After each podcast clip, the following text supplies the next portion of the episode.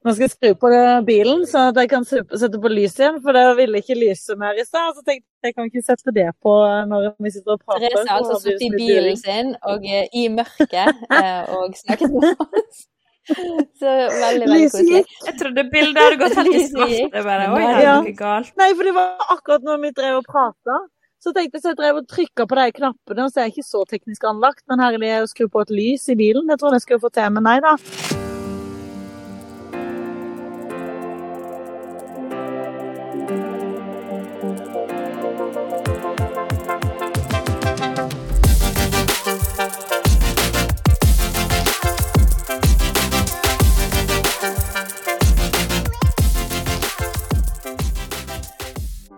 Alle sammen, hjertelig velkommen til Mammas hjerte-podkast. Så kjekt du vil henge med oss igjen.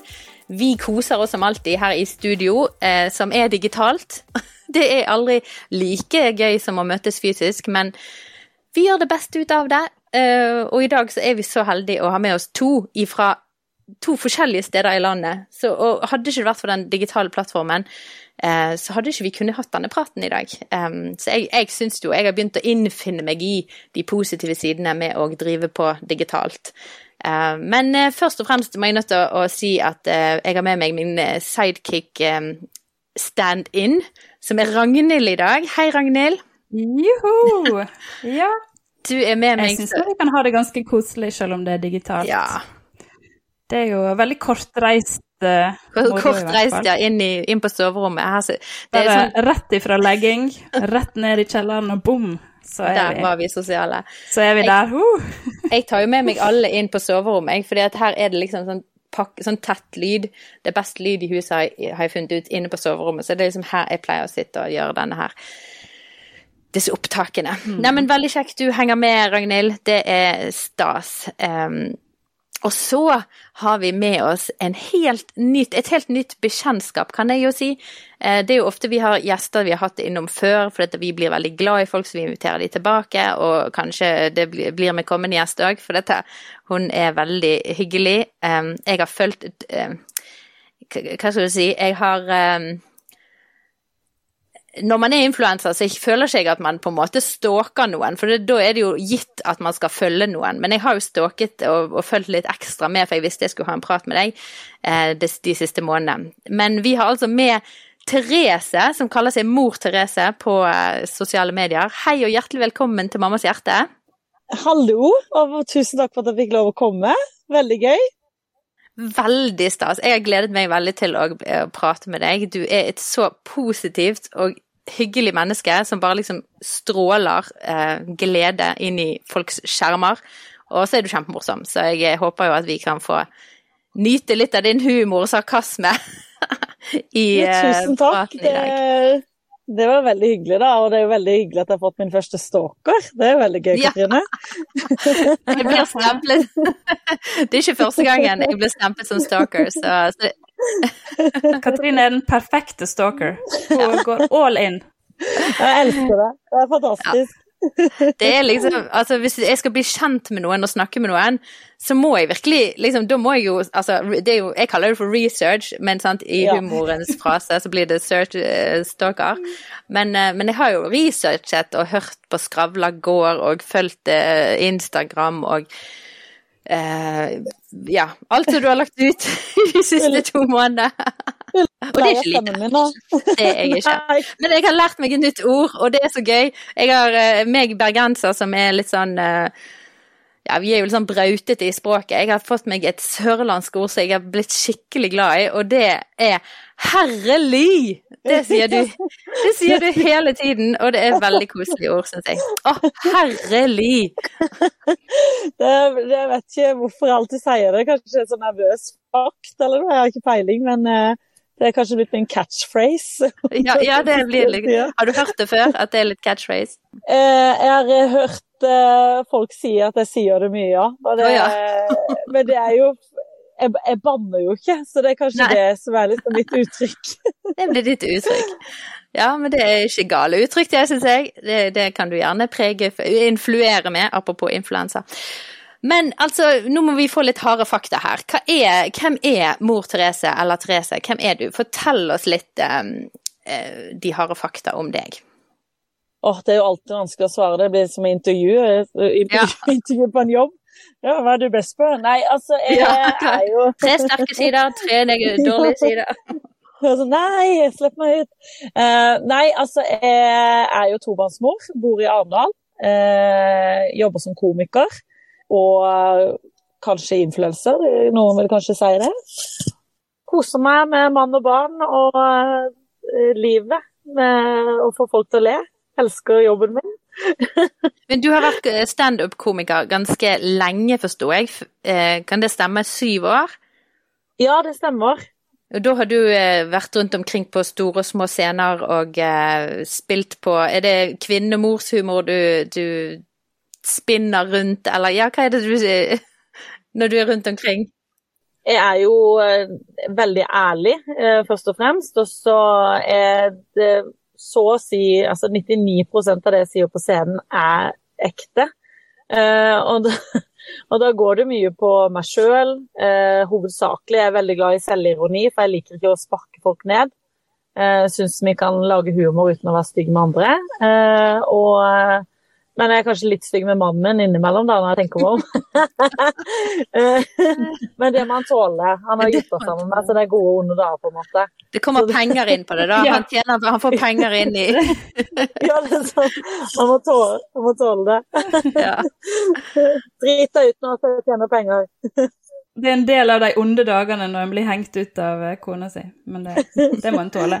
Ja, men de er jo fryktelig irriterende ofte, de her mannfolka, så det skulle jo bare mangle at noen sa det høyt. Ja, det er veldig sant. Så vet jeg jo òg at du er veldig glad i eh, kongefamilien. Det hørte jeg at du ja. Du snakket litt om, spesielt rundt eh, dronningbegravelsen som var nå, så ytret du en sorg over det, og det, det syns jeg var litt fint. da, At du har litt sånn royal Du er litt sånn blått blod, egentlig, eh, av vilje, da, i hvert fall. I hjertet ditt, ja. Jeg vet ikke hvorfor jeg er sånn, men det, det er kanskje noe med Altså, ærlig, jeg har et yrke som går på å stå på en scene ikke sant, og få oppmerksomhet, så kanskje det er sånn indre Eh, drøm om å egentlig være kongelig, jeg vet ikke. De er det ultimate scenen, ikke sant? Ja. Å stå på balkongen og vinke. Nei, jeg vet ikke, jeg bare syns alltid har vært veldig stas å lese om uh, altså Sittet og sett på i Se og Hør, ikke sant, og lest og sett de sitter der med kroner og fjongt servis, og jeg syns det, det, er så fascinerende, hele opplegget. Det det. Så og så når den der serien The Crown kom, og herlig, da var det jo bare å benke seg med mannen min. Bare 'du skal se dette sammen ja. med meg'. Must see, ja, med mann.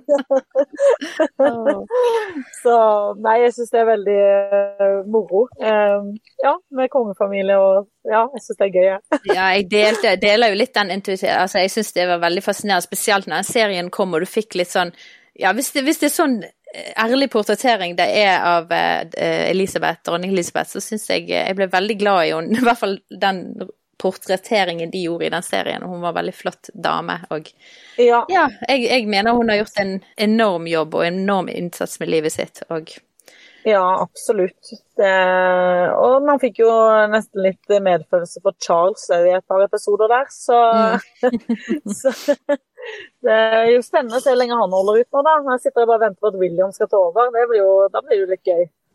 Det er det vi håper på. Det er det vi håper på. blod. Ja.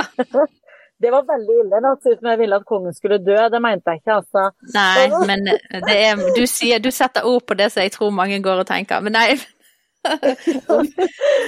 men, eh, men så stemmer det at det var, det var prins Harry når du var liten du var interessert i? Ja, han syns jeg var så kjekk. Jeg syns jo William var den kjekke broren, og var interessert. Han var så søt. Ja.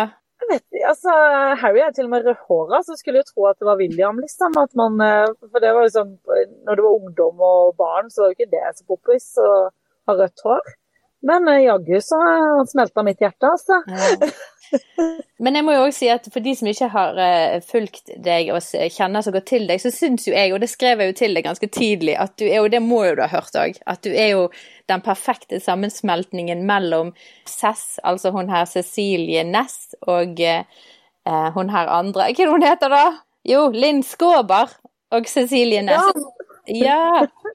Du er jo Ja. veldig lik både i utseende, men òg i liksom måten du snakker på, og bare at du er sørlending, da. Um, har du hørt det før? Det lurte jeg på. Eh, ja, jeg har faktisk hørt det før, og det, eh, og det høres jo liksom ut som at jeg prøver å kopiere noen, og det gjør jeg jo absolutt ikke. for Det med Linn Skov hørte jeg jo før jeg begynte med standup sjøl, og humor, så det er vel kanskje bare noe sånn vet ikke, at vi humorjenter er kanskje en spesiell rase, at det kanskje passer på en egen måte, vet ikke. Men det er et veldig kompliment. Herlig, de er jo helt fantastiske. Nei, men så har jo du lagd deg dette her eh, alt alter ego, altså eh, navnet Mor Teresa. Hvor kan det komme fra? Altså, det må jo være hektet med Mor Teresa, som er en, the big deal, liksom, men eh, Ja, det ble jo litt sånn eh, For noen år siden så satt jeg liksom og drodla litt sånn tanker på eh, For jeg har, har jo hatt en drøm om å ha et eget uh, standup-show, eller et so humorshow, soloshow, har jeg hatt en drøm om siden jeg var fem år. For noen år siden satt jeg og drodla litt på navn, og så, og så kom jeg opp med Mor Therese. At det var sånn gøy navn i og med at eh, altså Mor Teresa var jo liksom alles mor. Hun er helt perfekt, ikke sant? Men de fleste av oss er jo ikke det. og det er kanskje der Mor Therese kom inn, at Mor Therese er liksom den eh, uperfekte mor, da. Det er bak fasaden. eh, det ekte, og ikke det her glansbildet som eh, skal stå og stryke seg på magen og lage hjerteforma hender. på en måte. Det var kanskje noe der. Og så ble det Mor Therese som ble shownavnet, og så måtte jeg da lage en, en Instagram-konto, og så fikk jeg tips om å bare kalle det for Mor Therese. Og så gjorde jeg det, og så har det på en måte bare blitt et sånt konsept, da. Eh, nesten at du tar en Mor Therese, på en måte. Så egentlig var det shownavnet først og fremst, men så har det blitt mer den der eh, Det er liksom blitt hele med eh, på Instagram, da. det blir jo blir liksom mot, mot vekten av eh, det perfekte bildet som mange portretterer der ute i sosiale medier, og man liksom Det er sikkert mange som har veldig høye krav og høye lister til seg sjøl som mor, og så kan du Og det er jo veldig i likt hjerte av det som vi i mammas hjerte driver med, da. Det er jo å prøve å vise bak fasaden, være ærlig med livet og si, tørre å si de tingene som ikke alle andre sier, kanskje. Det tror jeg er kjempeviktig. Jeg tror det er viktig, Jo flere som gjør det, jo mer normalisert blir det å bare være, på en måte. Du må ikke være noen. Du kan bare, Det holder å være seg sjøl. Så det, det tror jeg er veldig viktig. Og jeg er jo utdanna vernepleier, så det er kanskje noe som ligger der i bånn. At eh, du skal godta og godkjenne alle mennesker sånn som de er. da. Eh, og da blir det veldig rart for meg å stå på Instagram og være så jeg syns jo på en måte det er så stort press i samfunnet på å være perfekt. Det, det starter liksom fra du er bitte lita jente, så skal du være en liten prinsesse. Og så baller det på seg. Jeg kan liksom høre venninner som sier at å nei, hun har mye finere gravidmage enn meg. Så det er sånn, sånn, Allerede når du er gravid, så er det sånn et press på å ha perfekte magen, perfekte greiene. Og jeg bare sånn, men herlig, drit i det. Bare sett deg ned og vær tjukk en liten stund. Altså, ikke prester så veldig. Sammenligning og konkurranse, ja, det er jo et kjempeproblem. Og man blir jo Altså, jeg tenker jo psykisk eh, helse oppi her blir jo veldig Det blir veldig tungt å stå imot med all denne sammenligningen, all den konkurransen. Man skal være bedre, man skal være lik, man skal Og hun får til det, og jeg får ikke til det. Så eh, det går jo veldig hånd i hånd Mm. med selvbildet og ja. Ja, det gjør det. Og ikke minst, har du fått, når du har fått ut en unge, så skal du òg Om tre dager så skal du være tynn igjen. ja. Altså, det er Ja. så voldsomt press at, eh, at man må få lov til å bare slappe av litt. Og hvis det kan på en måte være Hvis jeg kan bidra med det på en eller, et eller annet vis, da, så er jo jeg veldig glad for det. For det betyr jo at flere kan bare slappe av i å være seg sjøl, og ikke stresse så veldig. ja, så Mm. bra. Men tror du at uh, har, det, har det alltid vært sånn for deg at liksom, ja, slapp av, og er ikke så nøye, og jeg er uperfekt, det går fint? Eller, eller har det liksom vært at det møtte deg litt i fleisen da du var gravid, eller hvordan var det egentlig? Jeg har nok alltid vært klovn, så da har jeg aldri tenkt så veldig mye på at, uh, man er pen eller sånne ting, fordi at jeg har hatt humor som mitt skjold, kan du si. Uh, ofte blir jo det et skjold i, i settinger. Det kan bli synes jeg stressende hvis folk liksom er sånn Å, du er pen, og det er sånn? Ja. Altså, det er klovn, liksom. For jeg syns Jeg vil gjerne være noe mer enn et utseende, kan du vel si. Jeg tror, men jeg tror nok det virkelig altså Jeg har jo hatt som alle altså som alle har jo, er jo inkludert da, hvor man liksom føler seg tjukk og oppblåst og nei, nå har jeg forfalt og nå er puppene kjempelange. ikke sant? Man har jo den tankerekka hele tida, men jeg tror jeg kom litt til et punkt når jeg var gravid. Jeg har jo to barn, ett på tolv og én på snart to. Eh, og når jeg var gravid med sistemann, så, så opplevde jeg å ha en svangerskapsdepresjon. Eh, og det tok meg veldig på senga. For da snudde hele livet seg. At jeg skulle stå i noe folk kaller for lykkelige omstendigheter. Og så ble jeg kjempeulykkelig. Jeg eh, kjente ikke meg sjøl igjen. Jeg følte ingenting for barnet jeg hadde i magen. Eh, til tider så hadde jeg bare lyst til at, eh, at jeg skulle få en spontan abort, så jeg slapp å leve i dette her konstante mørket. Da. Så når jeg da kom ut av den svangerskapsdepresjonen, for den slapp jo når, eh, når jeg hadde født han, så fikk jeg veldig sånn Å, herlig, nå, nå har jeg levd i ni måneder i en sånn eh, mørke hvor jeg ikke har kontroll på noen ting, og jeg kan ikke velge noen ting, for hjernen er bare helt uh, mørk. Mm. Uh, så da var det vel litt sånn at nå, nå, skal jeg leve. Nå skal jeg bare Nå skal vi bare ha det gøy. Nå skal du bare Hva er det du har aller mest lyst til? Gjør det. Hva er det du bruker veldig mye tid på? Jo, det er å irritere deg over ting ved deg sjøl. Nei, slutt. Du er faktisk kjempeheldig som orker å stå fra senga plutselig. Ikke sant? Sånne, mm. sånne helt normale ting ble jo en kjempeutfordring når man eh, hadde en så dyp depresjon. da. Ja, perspektivet endrer jo seg når, du, når, man erfarer noe så tungt og er inne i, på en sånn mørk plass, sånn som du sier. Så plutselig så skjønner Og, og hvis, når vi er så heldige å komme oss endelig ut av noe sånt, og her kan jo sikkert være mye hormoner og mange ting som spilte inn på at hjernen tøyset sånn, da.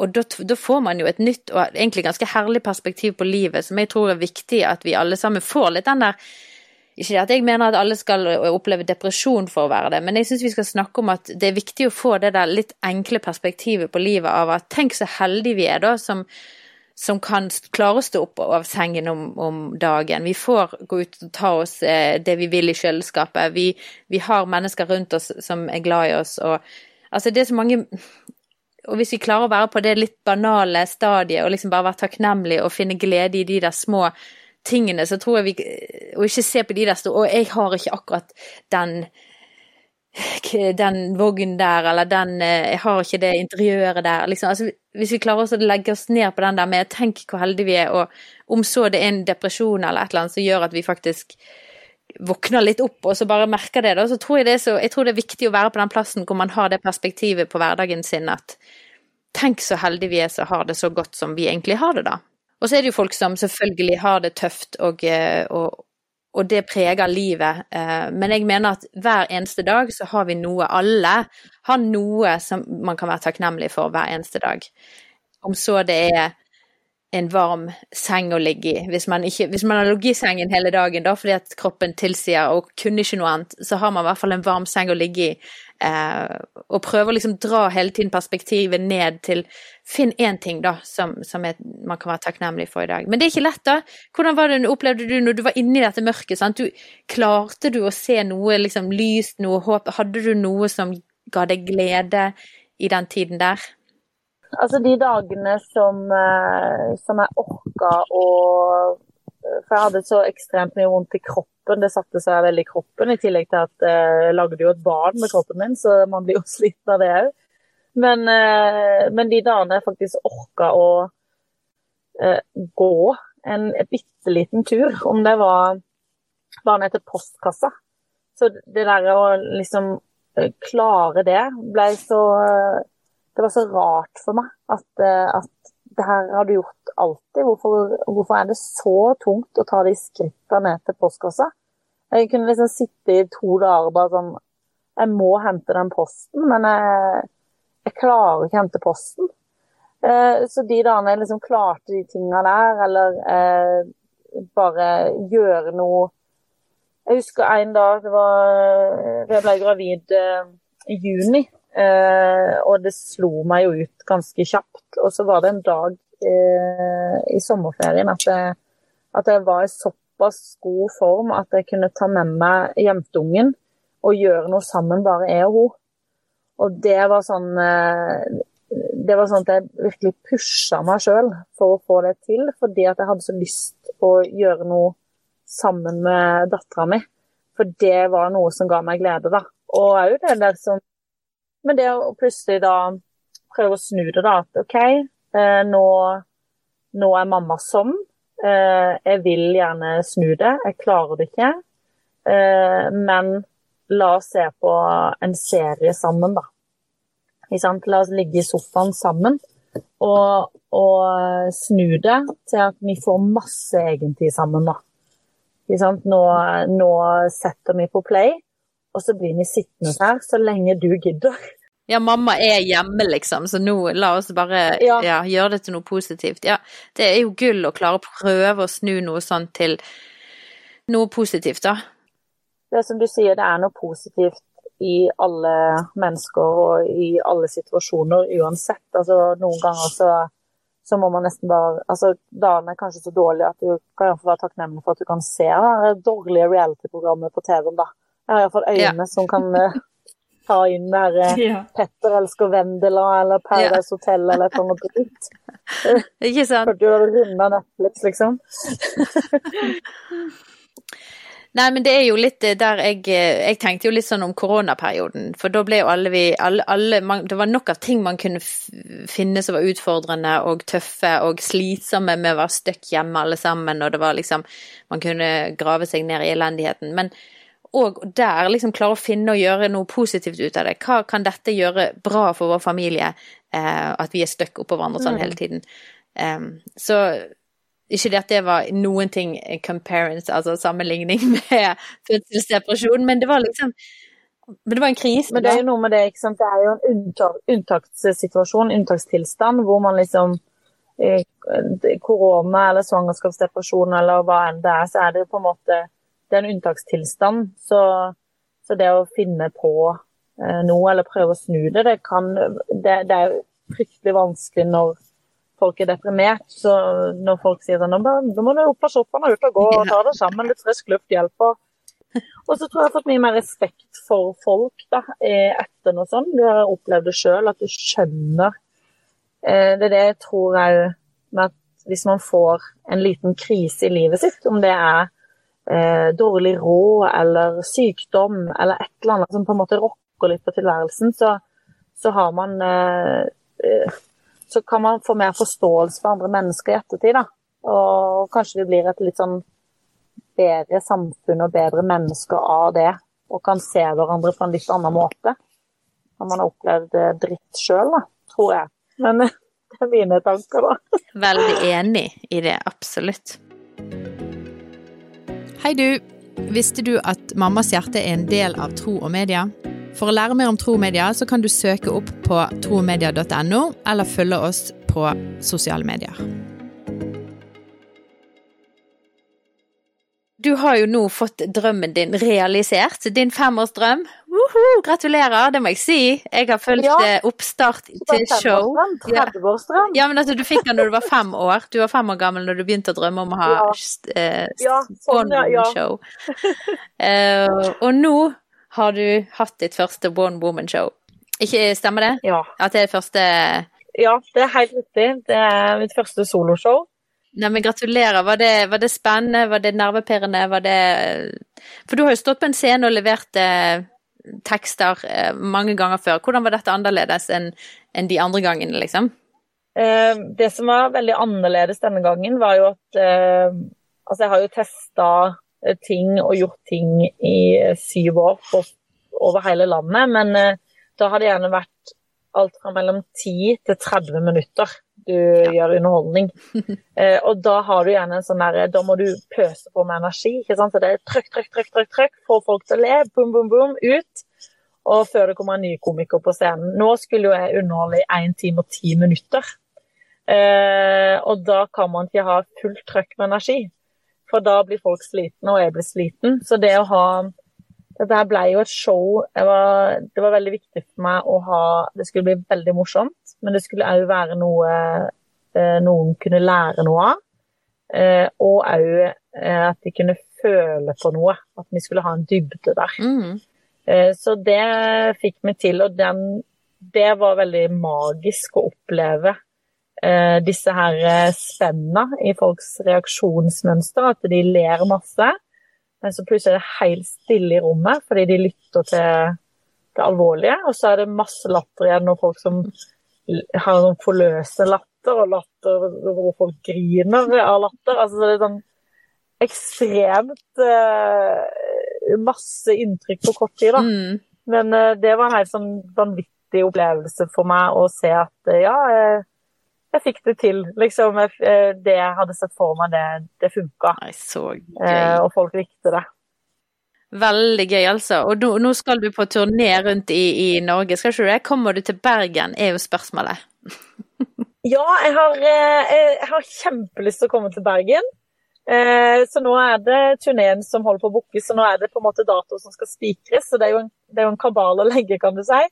Men, eh, men, Bergen står absolutt på lista, så, så bare dra i gang jentegjengen nå og komme seg på Mor Therese-show. Absolutt, og det er så gull verdt å være ute. Altså, jeg vil jo kalle Vi har jo snakket om dette tidligere med eh, både Veronica Simone Fjell, som du kanskje kjenner til, Yummy Mummy, men òg en annen foreldrefelle som driver med humor på Instagram, hvor vi snakker om dette med at hvor mye terapeutisk det er i å le ut av de vanskelige tingene som vi opplever i parrelasjon eller i foreldrerollen. Altså, det forløser et eller annet inni her, da. Stress og uro.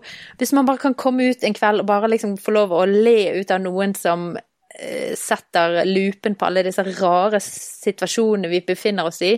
Det er så Ja, det er litt, litt sånn terapi i det, egentlig. Det er veldig deilig. Ja. ja. Det er jo det folk sier, og det høres så klisjé ut, latter er medisin, men det er jo på mange måter det. For du, du slipper liksom alle bekymringer i en times tid, da. Og bare koser deg. Og det er jo ingenting som er bedre enn eh, en, en skikkelig latterkrampe. Altså, det vil heller ha latterkrampe enn sex med mannen, på en måte. ja, ikke sant. Nei, men det er jo, det er jo noe med det å, å, merke at det er flere som på en måte kjenner seg igjen i alle disse her absurde settingene. Jeg husker eh, han av Michael McIntyre, hadde, hørt, hadde fulgt han noe? Eh, ja. Han er en av mine favoritter mm. fordi at han adresserer foreldrerollen på en sånn utrolig hysterisk måte. Han, han, alle de der følelsene jeg har hatt, tar han opp på scenen, og så lager han et nummer ut av det, og så bare sitter vi og hyler sammen med liksom ja. 1500 andre som har opplevd akkurat det samme. Og akkurat den å være sammen i de der, den irritasjonen, den frustrasjonen, det er noe eh, veldig forløsende i det, da. Så jeg var bare Jeg var veldig heldig og fikk ja. med meg han i Grieghallen her i Bergen eh, for noen år tilbake. Å, så fantastisk. Ja, det var veldig, veldig terapeutisk eh, opplevelse for meg. Ja. ja. det tror jeg på. Han er jo ekspert på liksom bare ta én liten ting, og så bare dra ja, det ja, ut. Det bare blir en kjempestor greie. Så, så alle som lytter på, må uh, gå på YouTube og søke opp Michael McIntyre, så finner du bare uh, masse fantastisk humor. Har du hørt om han, Ragnhild? Ja, og det er jo noe med det at uh, når en hører at andre står i samme situasjon som en sjøl, eller at andre har like uh, um, Hva skal jeg si um, Prøv å ikke si et stygt ord. Nei da. Eh, like um, Bare si det. Bare si det. Vanskelige unger som en sjøl ja. føler at en har. Altså det, det, er noe med det at bare Å, jeg er ikke alene i denne verden. Eller Barna mine er ikke helt ødelagt. Drittunger, altså, liksom. du tenkte på. Drittunger. ja. ja. men det er jo noe med det at når Det, det er bare så godt av og til å se at andre sine unger òg oppfører seg litt dårlig. At det Ja. Det er jo sikkert noe med dette her sosiale medier-bildet en har, at en ser alle andre sine glansbildedager, og så ser en sine egne drittdager, og så blir det sånn ah, Hvorfor får Mm. ikke jeg det til? Så det er noe virkelig forfriskende Ja. med det. Å bare få Ja. Få litt sånn real life eh, Ja. Men ikke for å røpe for mye. Therese. Hvor vil du um, Hva er det du er innom i, i eh, showet ditt? Har du lyst til å komme med ett eksempel av på en måte tematikk du berører, hvis du har lyst? Du må ikke, bare, for det kan jo være du har lyst til å ha det som en hemmelighet som du deler til de som kommer på showet. Men det, det kan jo være en liten teaser da, som, eh, til eh, de som ønsker å komme på show. Jeg er jo en historieforteller. Det her er jo mye selvopplevde ting, men som folk kjenner seg igjen i. Eh, og så er det mye sånn eh, Tar opp òg litt sånn viktige temaer i en litt sånn morsom ting, eh, altså morsom eh, måte. Eh, blant annet kvinnehelse Ja. eh, tar jeg opp. Og så tar jeg Forteller ganske mye historier om om de gale, rare tankene mine, og at det blir Ja. Ting skjer! Ting skjer! Jeg vet ikke hva jeg skal si uten å si for mye, men, men det, er, det er mye historier fra mitt liv. Ja. For det er jo noe med Jeg observerer mye i, i Det er vel egentlig det jeg er veldig glad i, denne observasjonshumoren. Eh, Men jeg ser òg meg sjøl og min rolle i det, og så blir det da litt sånn Jeg har jo eh, Trine Lise Olsen på regi. Mm. Eh, og jeg har egentlig ikke skjønt hvor rare tanker jeg har før, eh, eh, før jeg lagde dette manuset, og hun sa det er jo helt sinnssykt at du tenker sånn! Hæ, tenker ikke alle sånn? Ja. Nei! Men det er det som blir så artig! Ja. Nei, men det er jo det jeg tror en komiker og en humor, eh, en som lever av det de, For det er jo Jerry Seinfeld, vet jeg òg, han òg har jeg fulgt eh, stalker litt. Grann. Nei, jeg gjør ikke det, for han er jo ikke på sosiale medier. Men Research, for han skal jo inn i podkasten. Sånn. ja. Men altså, de er jo ekstremt gode observatører, og det er jo det jeg syns det, det er jo den gøyeste form for humor. De som ser sånne detaljer, og så bare liksom plukker det opp, og så spinner det ut til sånne svære eh, maler det opp. Altså, det er jo bare en Det er jo en gave gitt at det er noen som er så liksom opptatt av sånne detaljer og klarer å finne det humoristiske med det. Jeg ser jo sikkert på en ting eller tenker en tanke, og så tenker jeg ikke noe mer over det, og gjør det i hvert fall ikke gøy for meg sjøl. Så jeg skulle gjerne hatt den Jeg den evnen til å liksom lage noe gøy ut av alt det tullet som foregår oppi her, da. I nøtten.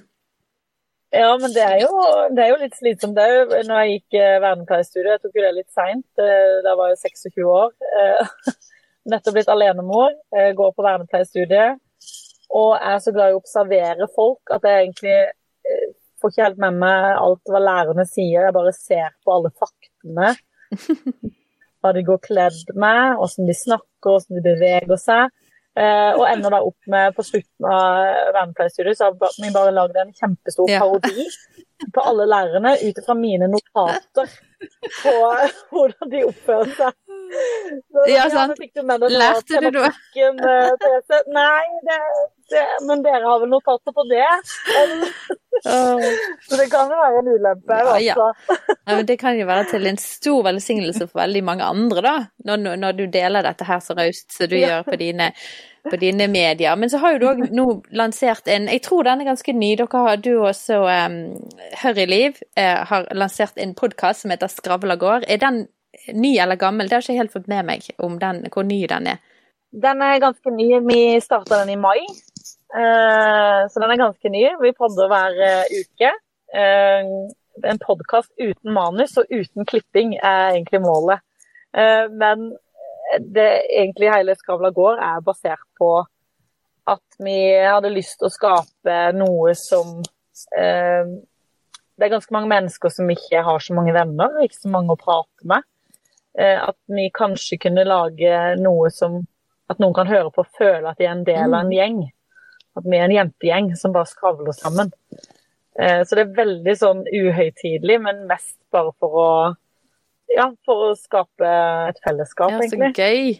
Nei, det er jo det vi òg her i Mammas hjerte gjør. Vi opplever jo virkelig at vi har fått til et fellesskap, men, eh, men vi spiller jo òg på disse andre mediene, Snapchat og Instagram, og er der i vårt navn, Mammas hjerte. Da. Ja, dere er jo kjempeflinke. Um, og, og, og, treffer folk, snakker med folk. Og, og, vi har jo nå eventer, det er jo det gøye vi har begynt med nå. Uh, vi har ikke one woman show, uh, men vi, vi, drar rundt, og så har vi Vi har jo et digitalt fellesskap, men prøver også å skape fysiske fellesskap også. Um, så vi var i, i Sandnes nå i mai, og så skal vi ha et i Bergen her i november. Så det blir um, bra. Det er jo fantastisk. Det er ja, kult det er at uh, folk kan komme. Så, så kul er ikke ni ennå. jo, du reiser jo rundt og skaper med showet ditt. Det er jo så gøy.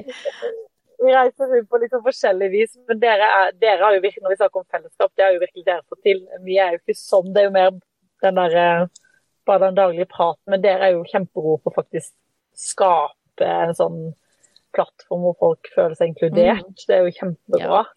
Jo, nei, det er vår, vår lille altså. greie.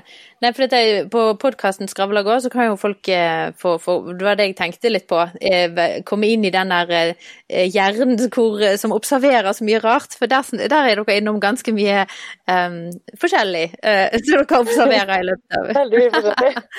uh, så gå inn og så hør den, tenkte jeg på. Folk kunne jo hvis de hadde lyst til det. Eh, men til slutt, da. Jeg har lyst til å være innom en siste eh, bit som du nevnte i podkasten Skravlegård. Og det er noe som jeg syns er mhm. så det er så bra, og jeg likte så godt at du løftet opp og satte ord på det, for det er en ting jeg har tenkt på lenge. Det er dette med at uh, arbeids... Karrierevalg og det med å på en måte tørre å ta noen valg som kanskje ikke er så veldig sånn Eh, men pga. gjerne trivsel, og man har gått litt lei, eller man ikke liksom eh, Man er stuck, kanskje, i en jobb eller en utdannelse, og så, så, kjenner man at liksom Det er ikke så mange som tør å hoppe ut av liksom noe som er veldig sånn satt og gitt og trygt, da. Og der eh, var du innom, du snakket jo om at du mm. hadde jo hoppet liksom ut og, og går litt sånn på vannet og prøver deg nye veier og satser litt. Eh, og, og være en inspirasjon til å følge liksom hva er det som Hvis den jobben gjør deg så ulykkelig, da, på en måte, eh, så, så, må man jo ikke Man er jo ikke tvunget av staten til å være på den plassen. Kan du si hva, hva er din erfaring med det, siden du bringte det opp, da?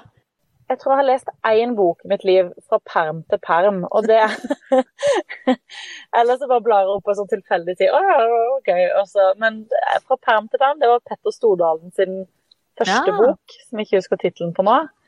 Eh, og det eneste jeg husker fra den boka, det er at han solgte jordbær. Og det andre er at uh, i en setting der så står det 'flere burde si opp jobben sin'. Ja, ikke sant? det er det jeg husker. Og så tenkte jeg hvis Petter Stordalen ja, er det, så må har en sannhet i livet. Ja. Nei da, men uh, fra spøk til alvor. Jeg, jeg, tror nok veldig Altså, jeg, jeg har nok en sånn greie for at jeg har jobba med veldig mye forskjellig. Prøvd utrolig mye forskjellig opp igjennom. Eh, og når jeg har kjent at liksom, her bytter det, her er det noe som motarbeider meg, her trives jeg ikke lenger, så har jeg sagt det opp og så har jeg funnet noe nytt. Men eh, jeg tror etter hvert som jeg har blitt eldre, så har det vært mye skumlere. Fordi at du er mye mer avhengig av inntekt. Du får billån, du får huslån, unger skal i barnehage. ikke sant? Alle disse regningene som kommer. Men jeg tror eh, nå når jeg sa opp jobben min nå, så hadde jeg jo eh, Det var veldig, et veldig vanskelig valg fordi at jeg hadde fått fast jobb i kommunen.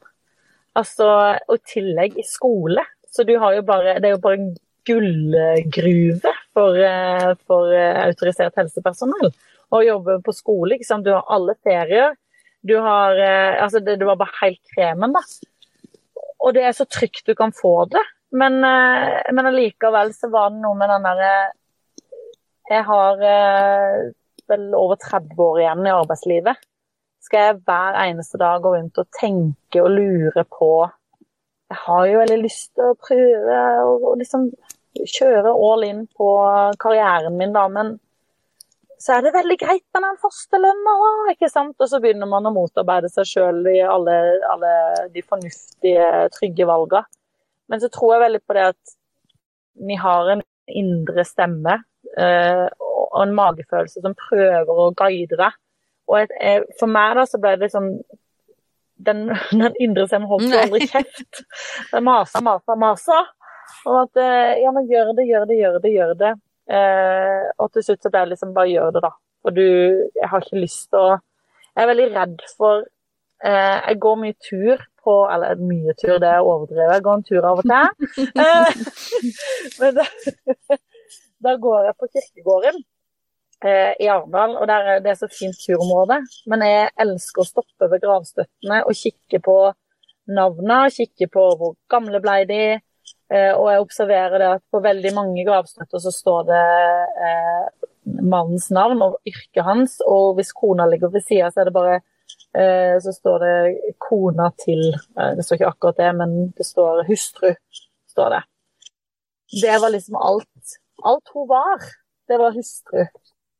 Eh, og så har jeg på en måte fått eh, litt sånn der frykten for at jeg skal ligge i, på mitt dødsleie og, um, Og så står det vernepleier på din på at jeg ikke prøvde. Ja, gravstøtte. jeg ble en kjempestor gravstøtte. Og det uh, Influenser, uh, Ja. podkaster, komiker Må få med alt. Skal kjempe. så ti meter Kongelig. Langt. Ja, kongelig. Gift med Harry. yeah. Nei da. Um, nei, men Jeg tror det er mer den der at jeg, ble veldig sånn Herlig, hva er det verste som kan skje, da? Hva er det verste som kan skje? Uh, det verste er at du dreit deg ut, og så må du gå tilbake igjen til en, uh, til en jobb. Uh, men da har du iallfall prøvd. Så jeg tror det at om man så sier opp jobben sin, så er ikke det det verste som kan skje hvis, hvis, ikke, hvis ikke det funka.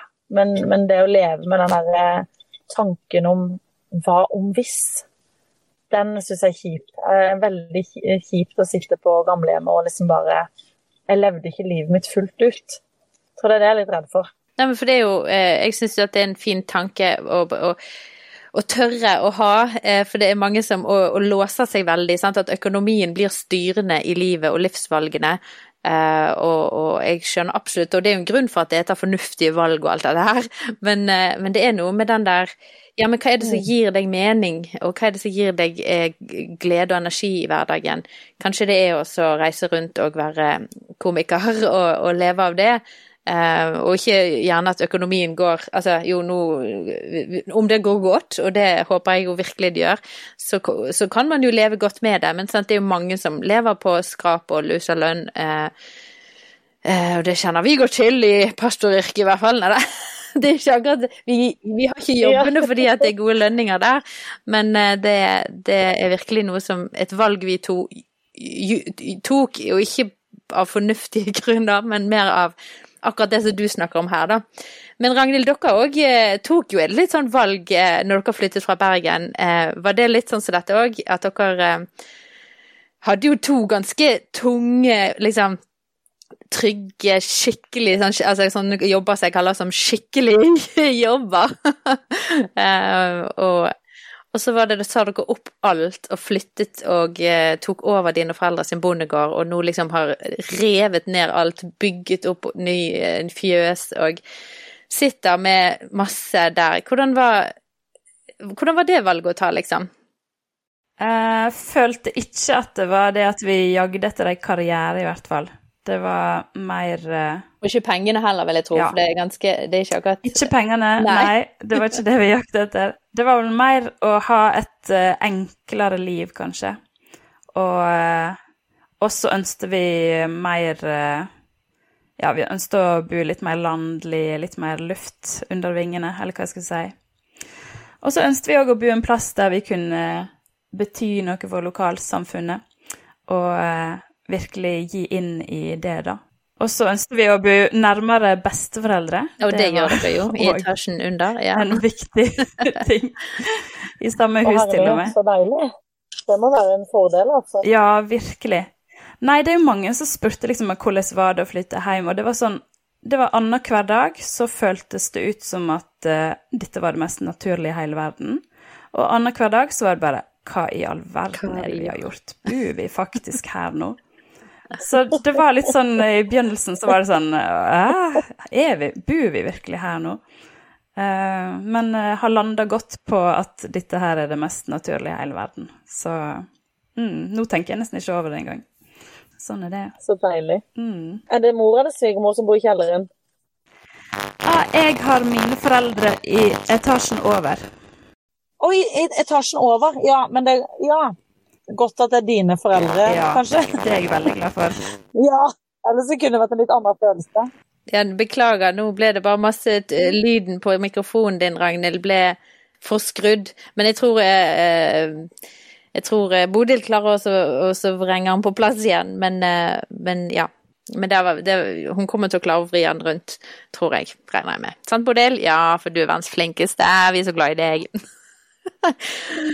Nei, men eh, litt sånn avslutningsvis så, eh, så, så vil jo vi heie frem eh, dette litt sånn Kanskje de valgene som ikke er så fornuftige, da, Therese? Er det det vi vil eh, avslutte med, eller? Ja, er det ikke bare å avslutte med yolo, egentlig? Hva er det det står for igjen? Altså, det er grip dagen, eller uh, you, you only live, live once? Yes. You only live once. Ja.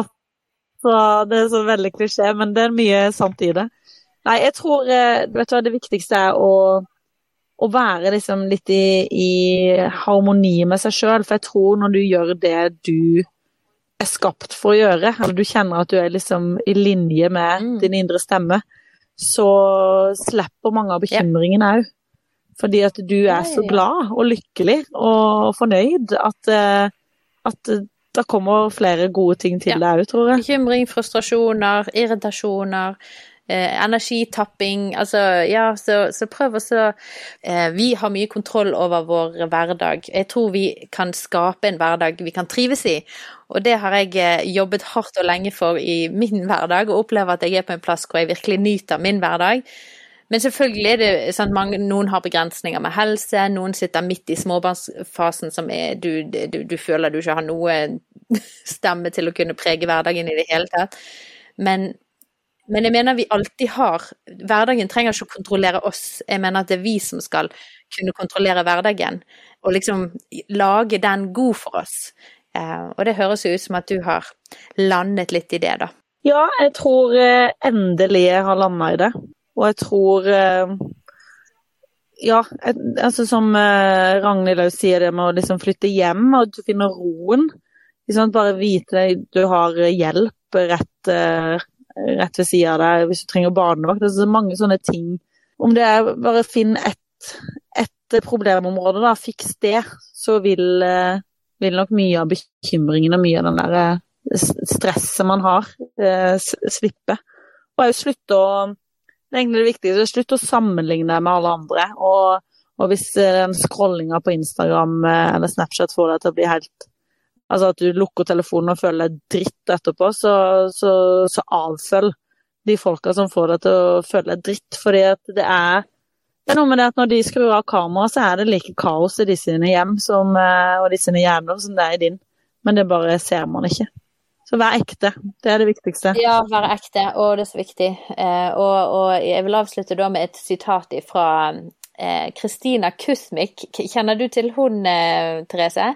Nei? Eh, Hun er en amerikansk eh, Hun burde du søke opp, for hun har mye av samme humor som deg, og hun lager masse ja. sånne gøye videoer. Kanskje du kan få litt inspirasjon. Hun er en av mine store inspirasjons... eh, Ja. Kristina Kusmik hun har egne, egne T-skjorter til og med som selger som det står 'Mind your own motherhood'. Eh, og eh, det er det viktigste vi gjør. Ikke kikke på alle andre, sammenligne oss med alle andre, men 'mind your own motherhood'. Det er det viktigste. Ja, virkelig. Word. Word. Nei, men tusen takk, Therese, for at du ville henge med oss eh, en liten time her. Det var veldig kjekt å bli litt bedre kjent med deg. Du, tusen takk for at jeg fikk være med, og veldig hyggelig å bli bedre kjent med dere òg. Og takk, Ragnhild, for at du hev deg med som sidekick. Det er så bra. Så gøy. Eh, eh, så alle eh, Vi oppfordrer jo da alle til å gå og følge mot Therese på sosiale medier, men òg å besøke henne på show. Det tror jeg blir veldig bra. Jeg håper jeg får det med meg i løpet av eh, 2022 eller 2023. Det er virkelig en drøm. Nei, men takk for at du som lyttet, lyttet på. Vi høres i neste episode. Ciao!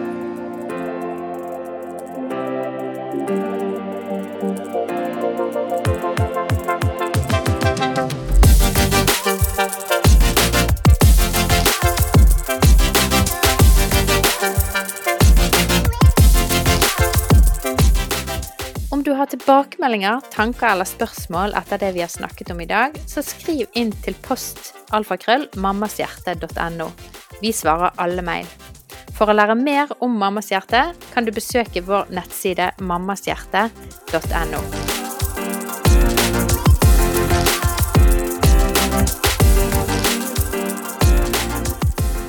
Denne podkasten er laget i samarbeid med Tro og Media og Familiesenteret i Bergen.